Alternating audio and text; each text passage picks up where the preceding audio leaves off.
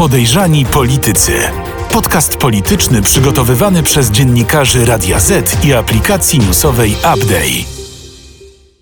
Wyobraźcie sobie Państwo, że zapraszacie na kolację do domu najlepszego przyjaciela, a ten przychodzi, ale przynosi ze sobą Pegasusa w telefonie. Jaką minę zrobić do takiej politycznej gry? No, o tym będziemy dziś rozmawiać. Dzień dobry. Ja nazywam się Michał Piasnicki, e, aplikacja newsowa Update a po drugiej stronie siedzi główny podejrzewacz polityków w kraju nad Wisłą, czyli Radosław Gruca, Radio Z. Dzień dobry i dobry wieczór Państwu. Zapraszamy na nasz podcast Podejrzani Politycy, w którym będziemy nie tyle komentować e, dla Państwa bieżące wydarzenia, co odsłaniać dla Państwa zasady i kulisy według których politykę w kraju nad Wisłą się uprawia i oczywiście będziemy uczyć Państwa dobrze rozumianej podejrzliwości wobec tego, co w Sejmie i okolicach. E, przedstawimy według naszego i stałej marszruty wybraną największą naszym zdaniem kontrowersję tygodnia, dwa najważniejsze wydarzenia tygodnia, zbadamy stan gry politycznej, w którym ocenimy, czyje notowania idą w górę, czyje są stabilne, a komu indeksy świecą się na czerwono. No i oczywiście zajrzymy w partyjne kadry, czyli tam, gdzie dzieje się najwięcej, a o czym politycy chcieliby mówić opinii publicznej najmniej. Kontrowersja tygodnia. W tym momencie, proszę Państwa, największy spór w polskiej polityce dotyczy ustaw likwidujących e, Izbę Dyscyplinarną Sądu Najwyższego. Ona musi zostać zlikwidowana, ponieważ nie podoba się w Brukseli to, jak e, funkcjonuje polskie sądownictwo. I teraz, aby otrzymać pieniądze, które nam się należą z Krajowego Planu Odbudowy, rząd musi to zmienić, władza musi wprowadzić nowe metody e, funkcjonowania sądownictwa w Polsce, które już nie zakładają istnienia tej Izby Dyscyplinarnej.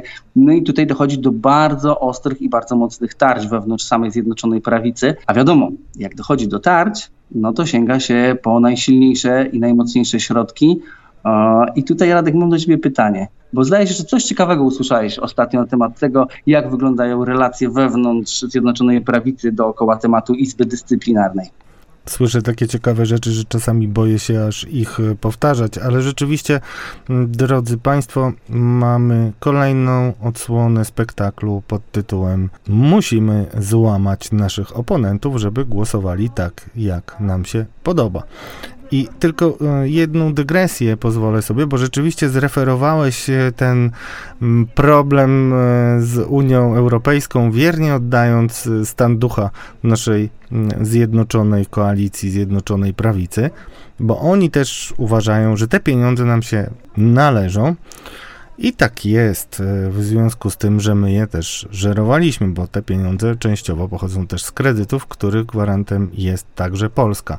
Natomiast e, widać bardzo wyraźnie, że bez e, projektu ustawy, przynajmniej przyjętego, pieniądze nie popłyną. I tutaj mamy jasną sytuację. Z jednej strony wszyscy, bo nie ma w zasadzie żadnego stronnictwa politycznego, które nie deklarowałoby, że chce szybko rozwiązać problem Szczegóły oczywiście są istotne. Natomiast jedynym, który mówi twardo nie, jest właśnie Zbigniew Ziobro i Solidarna Polska, który używa przy tym najmocniejszych argumentów, to znaczy twierdzi, że jeżeli przyjmiemy takie rozwiązania, jakich oczekuje od nas Komisja Europejska, to realnie będziemy uderzać we własną suwerenność, że będzie to precedens, który pozwoli dalej instytucjom unijnym poszerzać swoje pozatraktatowe uprawnienia. Tak to jest przedstawiane ze strony Solidarnej Polski i mm, jest to też taką esencją bytu politycznego, jakim jest Solidarna Polska, bo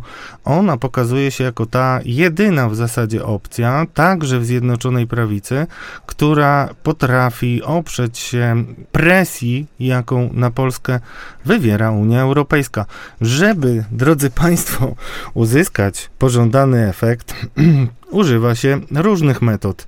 Oczywiście kij i marchewka mm, to coś, co już widzieliśmy przy różnych rozmowach koalicyjnych, między innymi przy rozbiciu porozumienia Jarosława Gowina.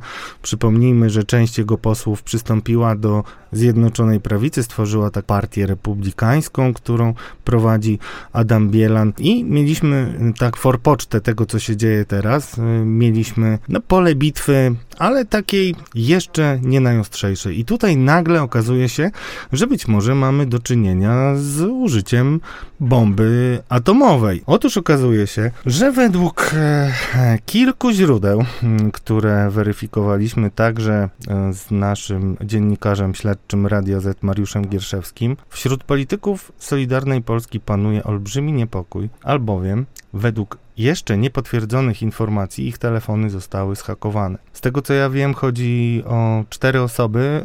Oczywiście pytanie jest o to, czy Zbigniew Ziobro jako minister sprawiedliwości i prokurator powinien być w ogóle jakąkolwiek kontrolą operacyjną objęty.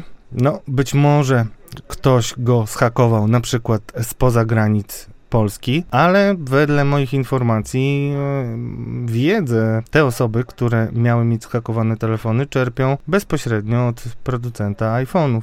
I przypomina mi to kazus oponentki Zbigniewa Ziobro, pani mm, Wrzosek, prokurator Wrzosek, która właśnie dostała tego typu informacje od Apple'a i okazało się, że stała się ofiarą Pegasusa.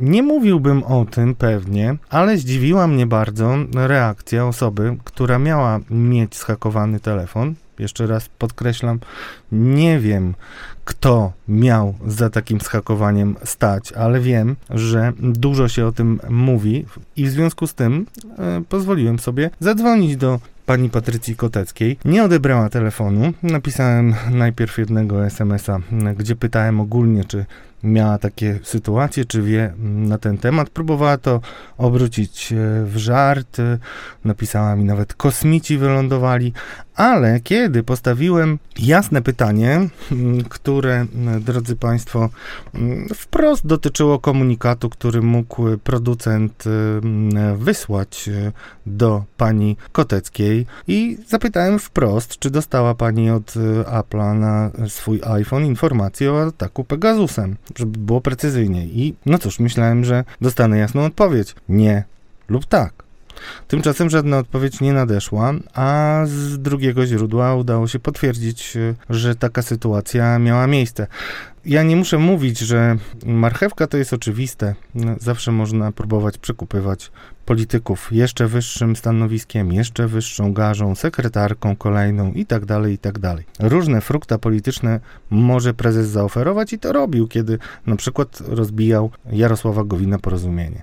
No ale zamachnięcie się, gdyby się okazało, że jakkolwiek służby polskie maczały w tym ręce i robiły coś takiego przeciwko mm, prokuratorowi generalnemu, drodzy Państwo, bo no, to jest postać wielkiej rangi. No, byłoby to trzęsienie ziemi, proszę Państwa. Ile to by było w skali Richtera, Twoim zdaniem, takiego politycznego Richtera? Podsłuchiwanie Zbigniewa Ziobry, gdyby potwierdziły się te informacje? E, nie wiem, czy chodzi o podsłuchiwanie. Schakowanie telefonu może też być tylko i wyłącznie przejęciem danych. To e, powinien to wytłumaczyć sam minister, szczególnie jeżeli taka sytuacja nie miała miejsca i też e, wtedy moglibyśmy wiedzieć i spać spokojnie. Niemniej jednak pamiętam między innymi mi historię komendanta głównego policji, który miał kilka dni później po mm, nominacji już y, mieć założoną kontrolę operacyjną i w tym wypadku akurat podsłuch. W związku z czym no, nie zdziwiłoby mnie tak bardzo, ale jak powiedz mi, gdzie ta skala się kończy, ewentualnie uszczkniemy punkcik i mniej więcej takie to będzie trzęsienie ziemi. Okej, okay, czyli gdzieś w okolicach Watergate. No, w normalnym kraju na pewno byłoby tak, że po tym jak e, ja i dziennikarze wysyłają pytania, no to albo dostajemy od razu odpowiedzi negatywne i widać, że być może tematu nie ma, że to tylko plotka, albo spotykamy się na konferencji prasowej. Gwarantuję Państwu, że wszystkie stacje, nie tylko z Polski, by przyjechały na taką konferencję prasową i by zadawały pytania odnośnie e, tego typu zdarzeń. Natomiast no, żyjemy w kraju, w którym mamy monopol e, mediów publicznych na mówienie e, wyłącznie mm, w pozytywnym świetle i przedstawianie takich tematów, które są wygodne dla władzy. No nie muszę Państwu mówić, że mm, gdyby się okazało, że w ramach własnego e, obozu Zjednoczonej Prawicy e, posuwają się do takiej wojny hakowej ludzie służb, no to to by na pewno oznaczało, że czas się rozstać, a może nawet jeszcze poważniejsze konsekwencje. Widać, drodzy Państwo, że Jarosław Kaczyński zrobi bardzo wiele, a może nawet wszystko, żeby mm, mieć kontrolę nad Zbigniewem Ziobro i nawet, żeby go mieć na tyle blisko, że być może lepiej mu będzie zaoferować e, miejsca na listach z potencjałem wzięcia mandatów, niż zmusić e, ministra i dać mu arenę, na której mógłbym mówić o tym, że on jest jedynym politykiem, jedyną partią, która walczy o suwerenność i potrafi się przeciwstawić Unii Europejskiej. To jest świetny start e, polityczny, i też naturalnie wpycha Zbigniewa Ziobro w ramiona Konfederacji albo na odwrót. No taka mm, koalicja, mm, Solidarna Polska Konfederacja, czy też inny twór, niekoniecznie koalicja, na pewno może liczyć na spore poparcie w sondażach i może być spełnieniem koszmaru Jarosława Kaczyńskiego. Podejrzani politycy. Podcast polityczny przygotowywany przez dziennikarzy Radia Z i aplikacji newsowej Update. Likwidacja Izby Dyscyplinarnej i ustawy yy, dookoła niej to jest bez wątpienia jeden z dwóch najważniejszych tematów tego tygodnia. Dlatego chcemy teraz o tym chwilę porozmawiać. I proszę Państwa, ja wiem, ja wiem, że to zwykłemu człowiekowi wydaje się zupełnie nieinteresujące. Mówiąc takim językiem przepraszam, że go użyję, bardzo medialnym, to jest antyklikalny temat, natomiast on jest naprawdę ważny. I teraz Radek, daj, powiedzmy, daję Ci minutę czasu, wytłumacz naszym e, słuchaczom, dlaczego ten temat jest ważny i dlaczego taki zwykły Nowak Kowalski powinien się interesować tym tematem nie tylko e, wtedy, kiedy są demonstracje w Warszawie i kiedy przychodzi na nie 100 tysięcy osób, chociaż na, tyle na nie nie przychodzi, ale zwykłemu człowiekowi, który mieszka w Kielcach, który mieszka w, w Łodzi, który, który mieszka na Podlasiu, który mieszka na Podkarpaciu. Dlaczego ten temat jest ważny? To co, czas start. Ten temat jest bardzo ważny, bo może wpłynąć nie tylko na wyroki poszczególnych ludzi, ale też może wpłynąć nawet na to, że wybory zostaną powtórzone. Jedną z konsekwencji tego, jakie zmiany będą przyjęte, będzie to, y, jaka będzie obsada y, w Sądzie Najwyższym. Teraz y, wielu sędziów w Sądzie Najwyższym zostało tam sędziami z, dzięki temu, że wybrała ich KRS, którą wcześniej wybrał Zbigniew Ziobro. Wydawało się, że on kontroluje ich, natomiast nagle do gry wstąpił przystąpił prezydent Duda. No i mamy w związku z tym wojnę na szczycie, wojnę o to, komu sędziowie będą bardziej wdzięczni. Od pewnego czasu PiS obawiał się, że Ziobro ma kontrolę nad nominacjami poprzez kontrolę KRS-u, ale to się zmieniło. W związku z czym e, teraz stawką jest to, kto będzie tym zbawcą sędziów wybranych przez poprzedni KRS, nazywanych neosędziami, a ten, kto będzie zbawcą, będzie mógł liczyć na ich wdzięczność. I tak to wygląda. Nie tylko wyroki, że tak powiem, na zamówienie, co jest może daleko idącym myśleniem, ale przede wszystkim możliwość uznania wyborów za nieważne przez skład, który będzie życzliwy PiSowi, co pozwoli PiSowi na taką super dogrywkę. No chyba każdy z nas chciałby mieć drugą szansę, jeśli noga się powinie. Okay, nie wiem, czy wyrobiłeś się w 60 sekund, bo szczerze mówiąc nie sprawdzałem. Założyłem, że się nie wyrobisz, ale wytłumaczyłeś to ciekawie. Natomiast sytuację mamy w tym momencie taką. Jeszcze e, niedawno tych projektów, o czym wspominałeś, bo każdy, każdy chce e, pieniądze z Unii odblokować, więc każdy też zgłasza swoje projekty, reformy mm, Izby Dyscyplinarnej, czyli likwidacji. Tych projektów e, było pięć. Zostały już tylko trzy. Wspomniałeś o e, panu prezydencie. Mam, mam dobre wrażenie, że tutaj ten spór dzieje się na kilku różnych płaszczyznach? Dobre bardzo wrażenie, bo poza tym, o czym przed chwilą napomknąłem, no mamy zupełnie nowe koalicje wokół tego sporu, zupełnie nowych sojuszników. Przede wszystkim chęć odebrania części wpływów na wymiar sprawiedliwości Ziobro zbliżyła do siebie prezydenta Andrzeja Dudę, który zaproponował ustawę, jedną z pięciu, o której już wypowiadali się zarówno Jarosław Kaczyński, jak i Ryszard Terlecki w wywiadach, chyba trochę mimochodem wypowiadali się, że ona jest wiodąca, a tęże ustawę, wedle wszystkich znaków na niebie i ziemi, miała napisać pierwsza prezes Sądu Najwyższego, Małgorzata Manowska. I tutaj też mamy nietypową sytuację, bo Małgorzata Manowska była wcześniej wiceministrem u Zbigniewa Ziobry.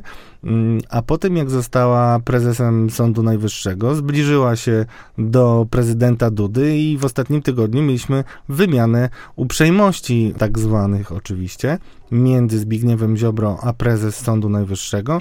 I tutaj krótko tylko powiem, że Zbigniew Ziobro pozwolił sobie na stwierdzenie, że pani Małgorzata Manowska nie dorosła do tego, żeby być prezesem sądu, a z kolei ta wcześniej powiedziała, że zmusił ją do tego, żeby działała wbrew prawu i zrobiła to dlatego, że chciała rozwiązać e, sytuację. Natomiast czas na podjęcie twardych decyzji, te twarde decyzje bez wskazywania palcem, leżą po stronie Zbigniewa Ziobry, więc mamy taki konflikt personalny, a na tym tle jeszcze jest oczywiście stała walka o szable w Sejmie i stałe liczenie głosów.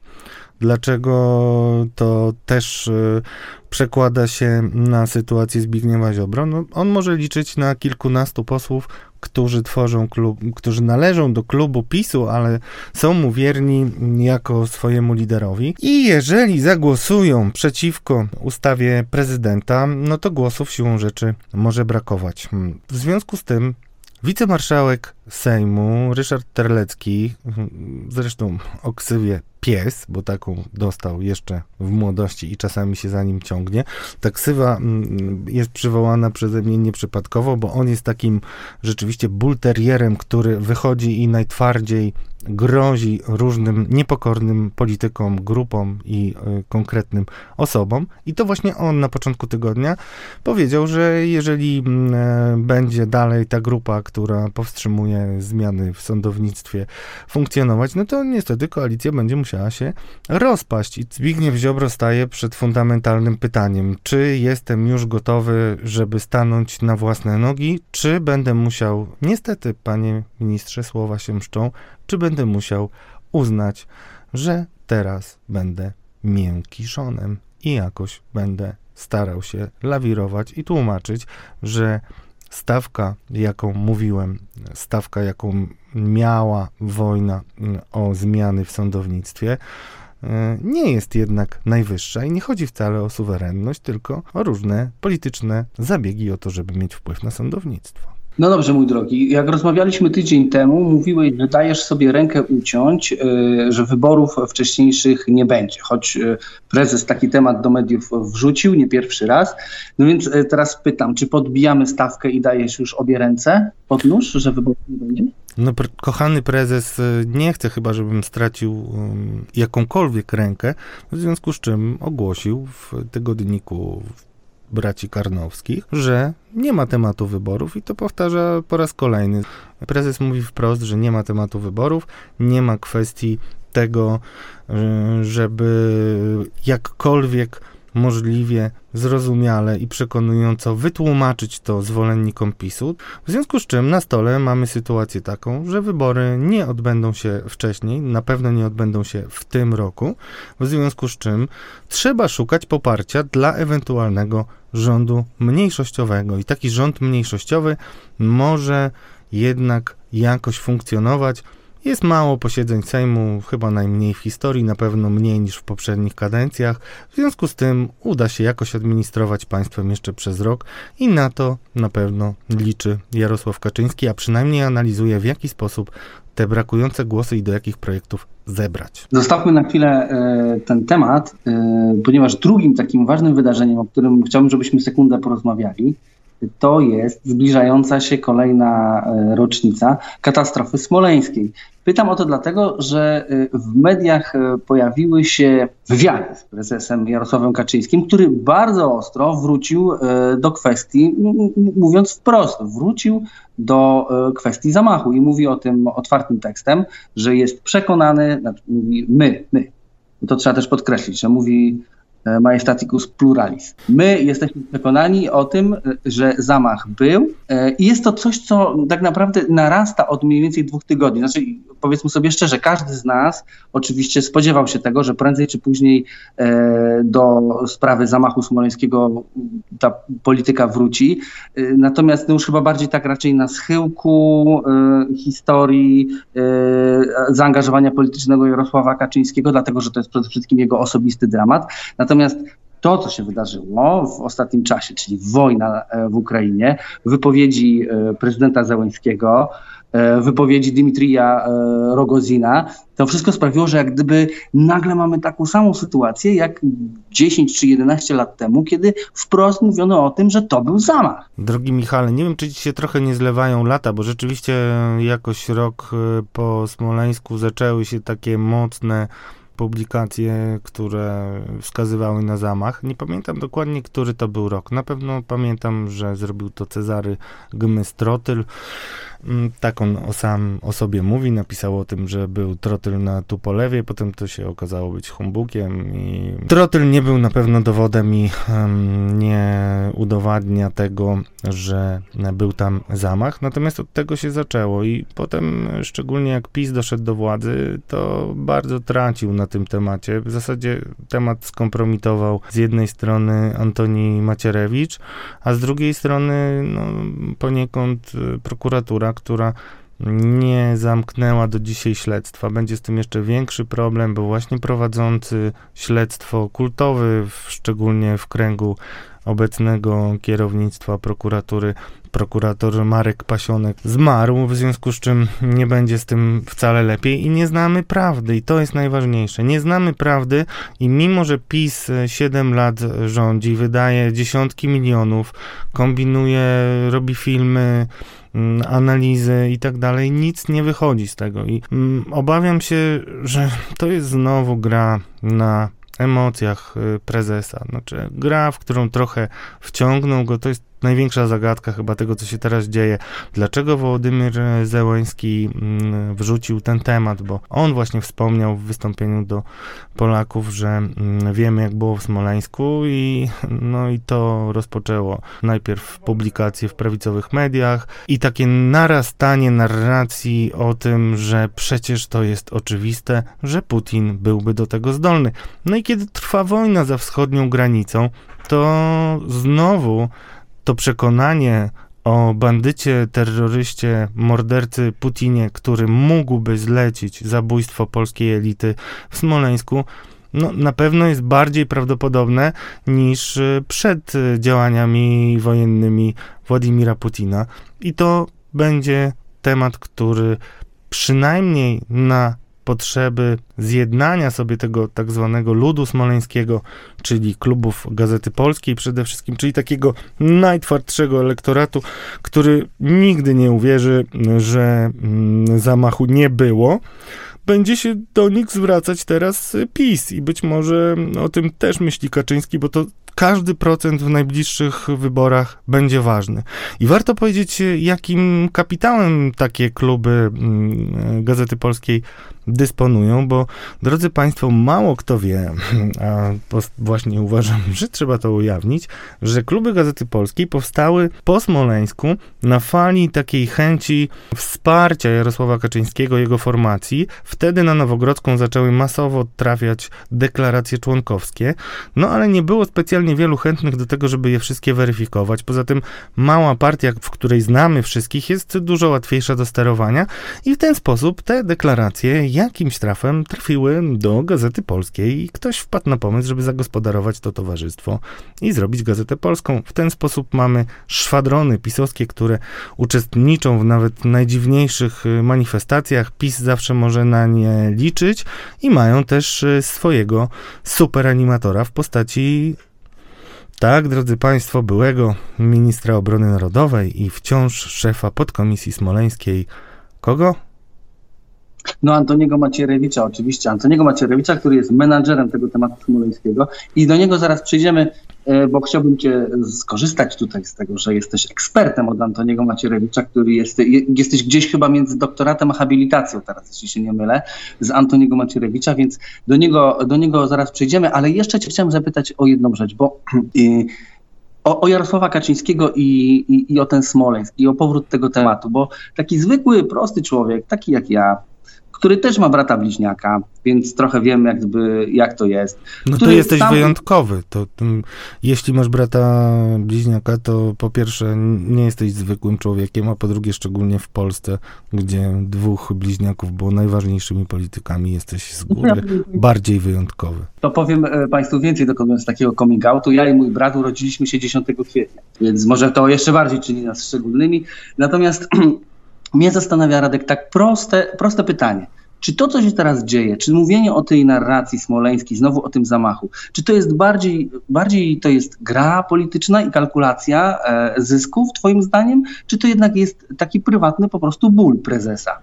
No to powiedziałem już, jakie mogą być ewentualne kalkulacje polityczne yy, i też podkreślę to, że ten temat był wygaszany i do, dopiero to, że mamy teraz wojnę i Putin już nie zostawia żadnych złudzeń co do tego, że jest zdolny absolutnie do wszystkiego, powoduje, że ten temat można odgrzewać. Niemniej jednak, osobiście uważam, że Jarosław Kaczyński nigdy nie wyleczy się z traumy, którą ma po Smoleńsku i Zdradzę Państwu moje własne doświadczenie z wywiadu z Jarosławem Kaczyńskim. Ten wywiad odbył się przed wyborami w 2015 roku. Poszedłem na Nowogrodzką, zostałem zaproszony do gabinetu. Prezes serdecznie oczywiście przywitał mnie i koleżankę, po czym chciałem prezesa trochę otworzyć, więc mu powiedziałem, panie prezesie, może ten wywiad przyniesie panu szczęście, a nawet wygraną, bo kiedy ostatnio przeprowadzałem z panem wywiad, a było to w 2005 roku, to okazało się, że PiS wygrał wybory parlamentarne, a Lech Kaczyński prezydenckie. Może teraz też będzie pan miał podobny sukces. No i nie spodziewałem się takiej reakcji. Chciałem, żeby prezes poczuł się komfortowo. Każdy, kto chce rozmawiać otwarcie, musi stworzyć, zlikwidować takie bariery. Niemniej jednak, drodzy Państwo, no byłem w szoku potem, bo okazało się, że nie tylko nie rozbawiłem prezesa, ale wręcz zobaczyłem, że zrobił się cały szary na twarzy. Oczy nagle posmutniały mu tak, że nie przypominam sobie tak smutnych oczu i powiedział mi tylko, wie pan, panie redaktorze, ja bym wolał nie wygrać nawet tych wyborów, bo wtedy być może mój brat do dzisiaj by żył.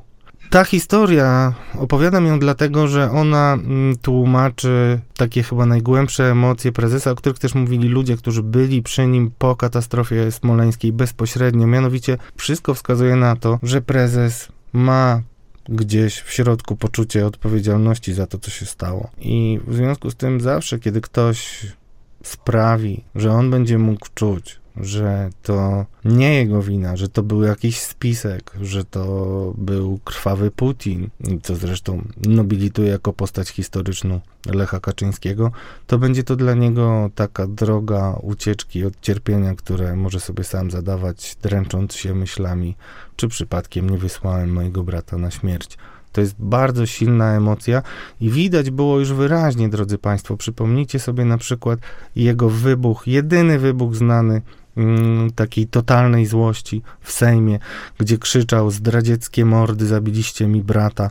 To są emocje chyba jedyne, nad którymi kompletnie Jarosław Kaczyński nie potrafi zapanować i widać wyraźnie, że w obliczu wojny one do niego wróciły. Także spodziewam się znowu wielkich y, obchodów y, rocznicy katastrofy smoleńskiej, natomiast nie spodziewam się, żeby jakiekolwiek konkrety, y, jeśli chodzi o nowe ustalenia, czy też nowe działania na rzecz kolejnych badań, wyjaśnień, no, nie umiem sobie nic nawet wyobrazić, drodzy Państwo, bo chyba już wszystko zostało wykonane. No, minęło 12 lat. Nie ma, nawet niektórzy świadkowie już nie żyją. No, to się po prostu nie może udać. Zostaniemy w takim przekazie cały czas, gdzie część Polaków będzie przekonana o zamachu, druga część będzie mówiła jak najgorsze rzeczy o tych, którzy próbują zamach mówić, będąc ta część będzie pewnie już do końca przekonana, że chodzi o normalną katastrofę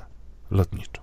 No i ten, w ten piękny sposób bumerangiem wracamy do Antoniego Macierewicza, bo jeżeli mówimy o przekazie smoleńskim, jeżeli mówimy o wszelkich badaniach dookoła katastrofy smoleńskiej, no to użyję takiego słowa, widgetem tego tematu jest Antoni Macierewicz i jego się nie da uniknąć, w związku z czym nagle się okazuje, że Antoni Macierewicz wraca z wygnania, i zaczyna znów pojawiać się w mediach. Więc w stanie gry zaczniemy może właśnie od Antoniego Macierewicza. Stan gry. Stan gry, w którym sprawdzamy, komu indeksy świecą się na czerwono, komu na zielono e, na politycznej giełdzie w kraju nad Wisłą.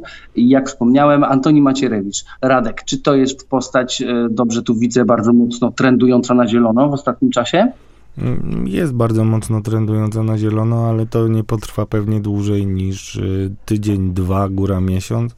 Antoni Macierewicz odgrywał już y, różne role, a potem koniec końców musiał być albo chowany na chwilę, albo marginalizowany.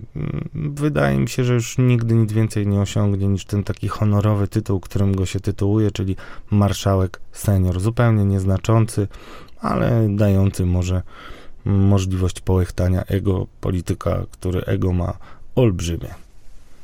Okej, okay, czyli tutaj kapitał polityczny raczej e, krótkoterminowy. E, a powiedz, e, jakie tutaj notowania przy premierze widzisz, bo mam wrażenie, że tutaj w dłuższym terminie inwestycja jest dobra. To ja tylko powiem, jak już powiedziałeś o tym krótkoterminowo, że y, nawet lewica miała takie swoje punkty y, różne, jeszcze SLD, do odhaczenia w wyborach. Tak a propos tego, że mm, to będzie trwało tylko tydzień i jedną z pierwszych decyzji, y, którą podjęto w kampanii Magdaleno Górek by, było to, że pójdzie na grupy partyjnych różnych wyjadaczy, a na konwencjach SLD ciepło mówiono o Wojciechu Jaruzelskim. Więc każdy ma takie rzeczy, które musi odhaczyć elektoratowi i takie rzeczy też pewnie będzie miał premier, o którego pytasz. W Warszawie na korytarzach ministerstw i Sejmu non-stop mówi się, że ta wojna spadła premierowi z nieba. Mm, pewnie jeszcze niedawno byłoby to mm, bardzo niestosowne, ale po tym jak przeczytaliśmy w mailach Michała Dworczyka, że mm, kryzys y, na granicy to polityczne złoto, to już nie mamy wątpliwości, że takie kalkulacje polityczne nawet przy dramatach e, się dzieją, jeśli chodzi o naszą władzę. A wojna, no cóż, efekt flagi, czyli gromadzimy się wokół władzy, Premier jest bardzo aktywny mm, dyplomatycznie, zna angielski jako jeden z niewielu e, w tej ekipie, ma kontakty jednak mm, już mm, z, ze swojej pracy z politykami europejskimi. I to powoduje, że dzisiaj już pora zakończyć e, dywagację na temat tego, czy będzie on stał na czele rządu. Będzie stał na czele rządu.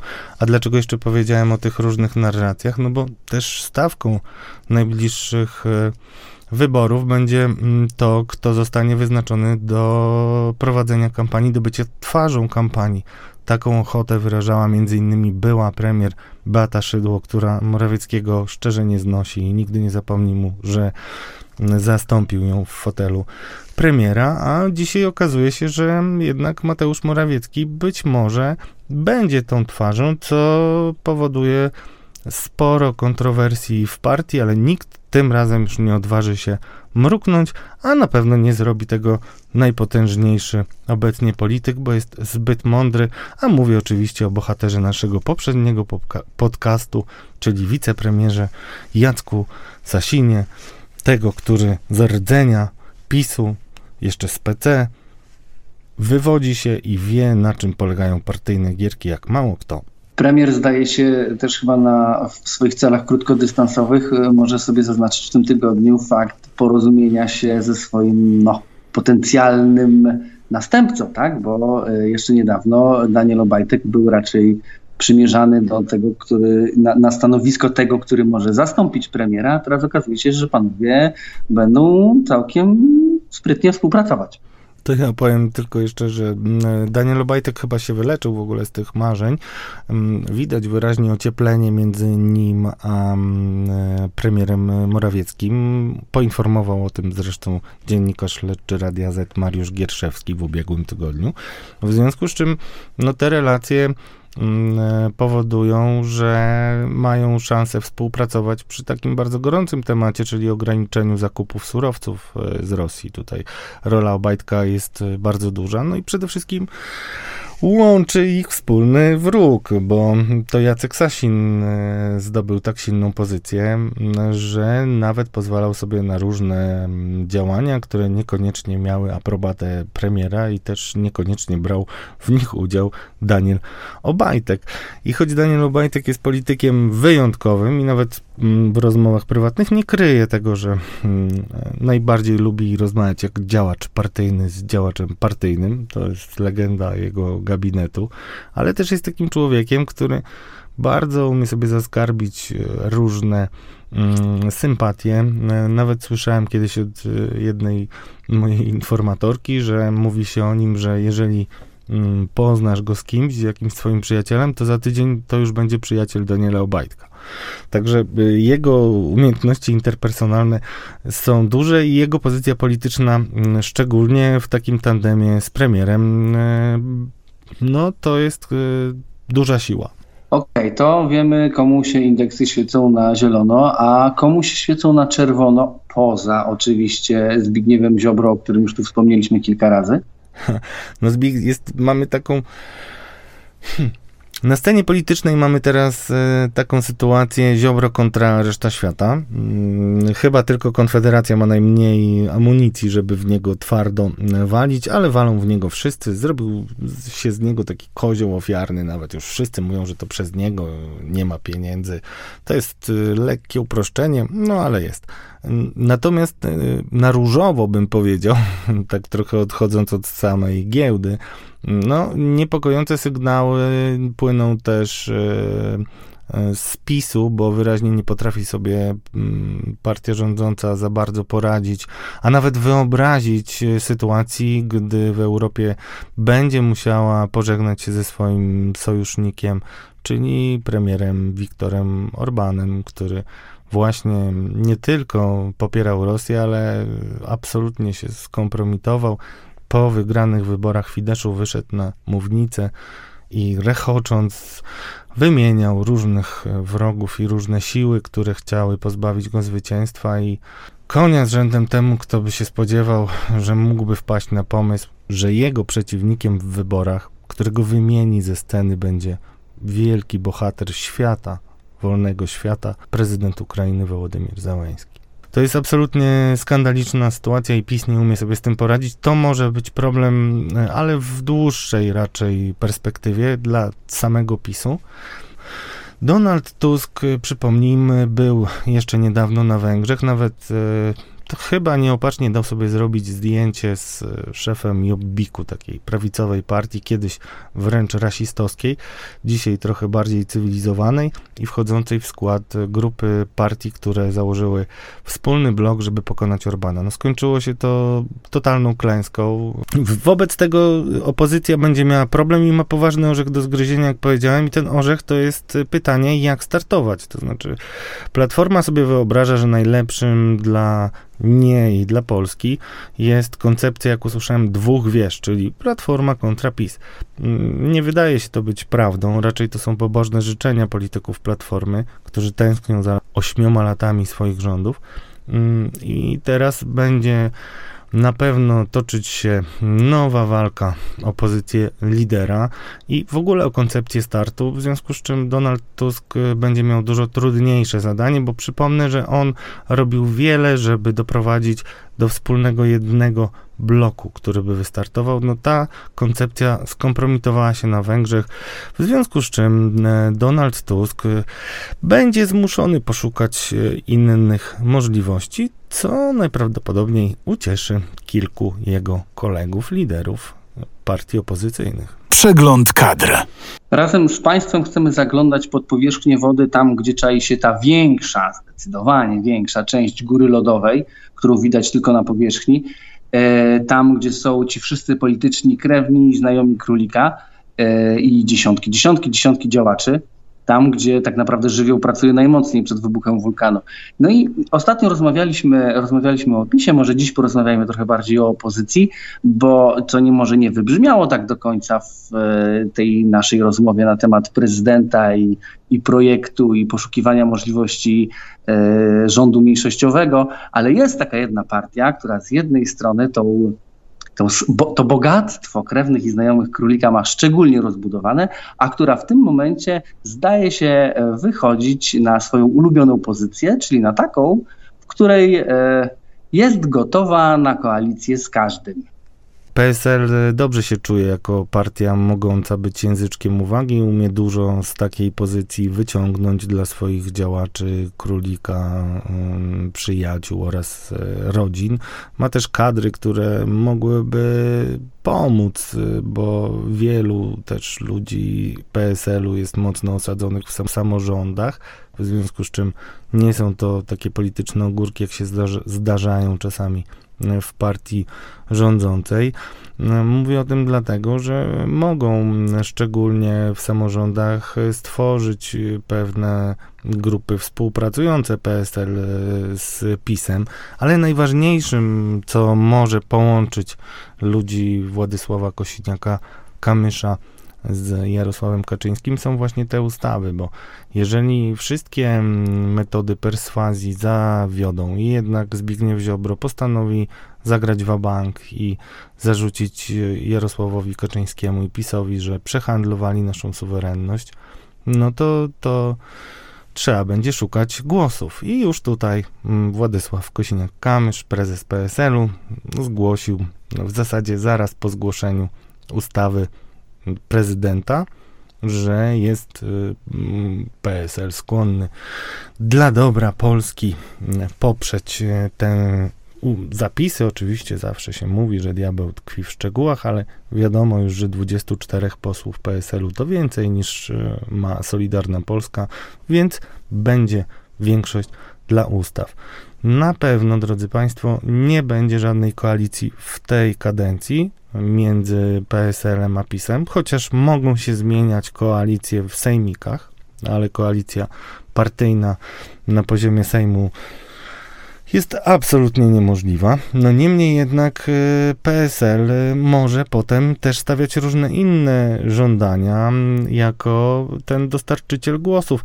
W dobie wojny dużo głosowań, nawet z partią, którą nazywa się antydemokratyczną, można swoim wyborcom wytłumaczyć. PSL dzisiaj jest absolutnie mm, w momencie, kiedy mm, no, otwiera się dla niego jego 5 minut i zobaczymy, jak te 5 minut wykorzysta. Niemniej jednak to nie jest tak, że wszyscy w PSL-u palą się do tego, żeby współpracować z PiSem. No i właśnie o to chciałem zapytać, bo Władysław Kośniak-Kamysz to jest taka postać, która siedzi okrakiem na tej y, górze lodowej i próbuje tym wielkim blokiem sterować. I teraz jak się steruje takim blokiem, y, w którym jest no, ten core y, PSL-u to są jednak starzy, starzy działacze, a jednocześnie Władysław Kośniak-Kamysz obiecuje nową, zieloną energię, młodych ludzi, których będzie wprowadzał do polityki. No i jak to wygląda? Mm, to jest ciekawe. Zacznijmy może od tych y, ludzi bardziej doświadczonych, nie wypominając wieku, bo to są polityczne tuzy. Mówię to y, z pełnym przekonaniem. Zwykło się przez ostatnie lata trochę bagatelizować znaczenie PSL-u ale jednak indywidualności znają się na polityce, pamiętają też różne koleje losu Jarosława Kaczyńskiego i dobrze diagnozują sytuację. Takim politykiem wyjątkowej klasy, w moim przekonaniu, jest były minister rolnictwa Marek Sawicki i on jest jednym z rozgrywających. Podobnie mocną postacią jest y, były premier Waldemar Pawlak. Przypomnijmy, że to jest y, minister gospodarki, premier, wicepremier, wieloletni prezes PSL-u. On ostatnio powrócił do, mm, do władz partyjnych, w związku z czym Podobno on ma być takim zwolennikiem rozmów z PiSem, chociaż mówiło się tak raczej przed wybuchem wojny, a wojna przypomina o tym, że to on podpisał mało korzystny kontrakt e, z Gazpromem na dostawy gazu, w związku z czym to może być dla niego pewien problem polityczny, ale też tam jest nowa gwiazda, stosunkowo nowa, to jest e, wicemarszałek Piotr Zgorzelski. Fantastycznie utrzymuje relacje z mediami, co jest też bardzo ważne dla każdej partii. No ale przy tym wszystkim jest jeszcze grupa tak zwanych młodych y, działaczy, rzeczywiście ludzi koło 30-40. Było ich widać bardzo przy kampanii Władysława Kosiniaka-Kamysza i to tworzyło takie wrażenie, że Władysław Kosiniak-Kamysz jest reprezentantem tych młodych, może nawet wyniesionym przez nich w wyborach do władzy. No tak nie jest, on jest y, kandydatem, którego starszyzna mm, PSL-owska zaakceptowała i też y, przedłużyła mu ostatnio mandat, mimo że przegrał wybory prezydenckie. No ale on musi grać na takich dwóch nastrojach, które dominują w PSL-u. Z jednej strony, no to oczywiście królik, przyjaciele, rodziny czekają. Politycy mm, bez władzy, politycy w opozycji no, szybko schną i czują się bezwartościowi, popadają w depresję to nie jest e, coś, co długo może trwać, szczególnie w polskiej polityce. W związku z czym ci starsi PSL-owcy chcieliby się jakoś dogadać, no bo są pragmatyczni i to jest szansa, żeby wrócili do władzy, wrócili do wpływów. No ale są też młodzi, są też młodzi ludzie w PSL-u, którzy, no będę cytował teraz, bo z taką młodą gwiazdą rozmawiałem, Mm, i powiedziała mi mm, piękna mm, i mądra pani z PSL-u, że no wiesz, ci starzy to by bardzo chcieli, ale my, młodzi, no to mamy takie poczucie obciachu i jakoś sobie tego nie wyobrażamy. Znaczy, PSL jest e, centralnie sterowaną partią, więc myślę, że ci młodzi mogą sobie mówić o tym, że obciach, nie obciach, ale koniec końców zrobią to, co starsi koledzy im podpowiedzą. I jakoś jestem spokojny o to, że PSL na tym nie straci, bo są to prawdziwe tuzy polityki i rozumieją ją dużo lepiej niż politycy młodej generacji. Tym obciachem jest, jak rozumiem, współpraca z PiSem. No tak, no bo PiS jest mocno obciążony, ale zobaczmy, że Władysław Kosiniak-Kamysz zbiera owoce mm, i zbiera plony z tego, co zasiał wcześniej. Zobaczcie Państwo, PSL ma komfortową sytuację, bo na przykład głosował za 500, więc trudno im y, zarzucać, że nie poparli tego, czego nie chciała poprzeć Platforma. Z drugiej strony, często e, PSL nie bał się głosować razem z PiSem w sprawie różnych y, ustaw, między innymi pierwszy się zgłosił do tej ustawy o obronie ojczyzny. Wtedy zacząłem częściej widzieć y, w telewizorze, w TVP Info y, polityków PSL-u. No, y, I to widać wyraźnie, że politykę trzeba mm, planować nie w perspektywie miesięcy, ale w perspektywie lat, a nawet kadencji. Więc obciach obciachem, ale Władysław Kosiniak-Kamysz najprawdopodobniej historycznych podręcznikach wielką postacią będzie. Zapraszamy na dziś, dziękujemy. Do usłyszenia. Do usłyszenia w kolejny wtorek lub środę. Podejrzani politycy. Podcast polityczny przygotowywany przez dziennikarzy Radia Z i aplikacji newsowej Update.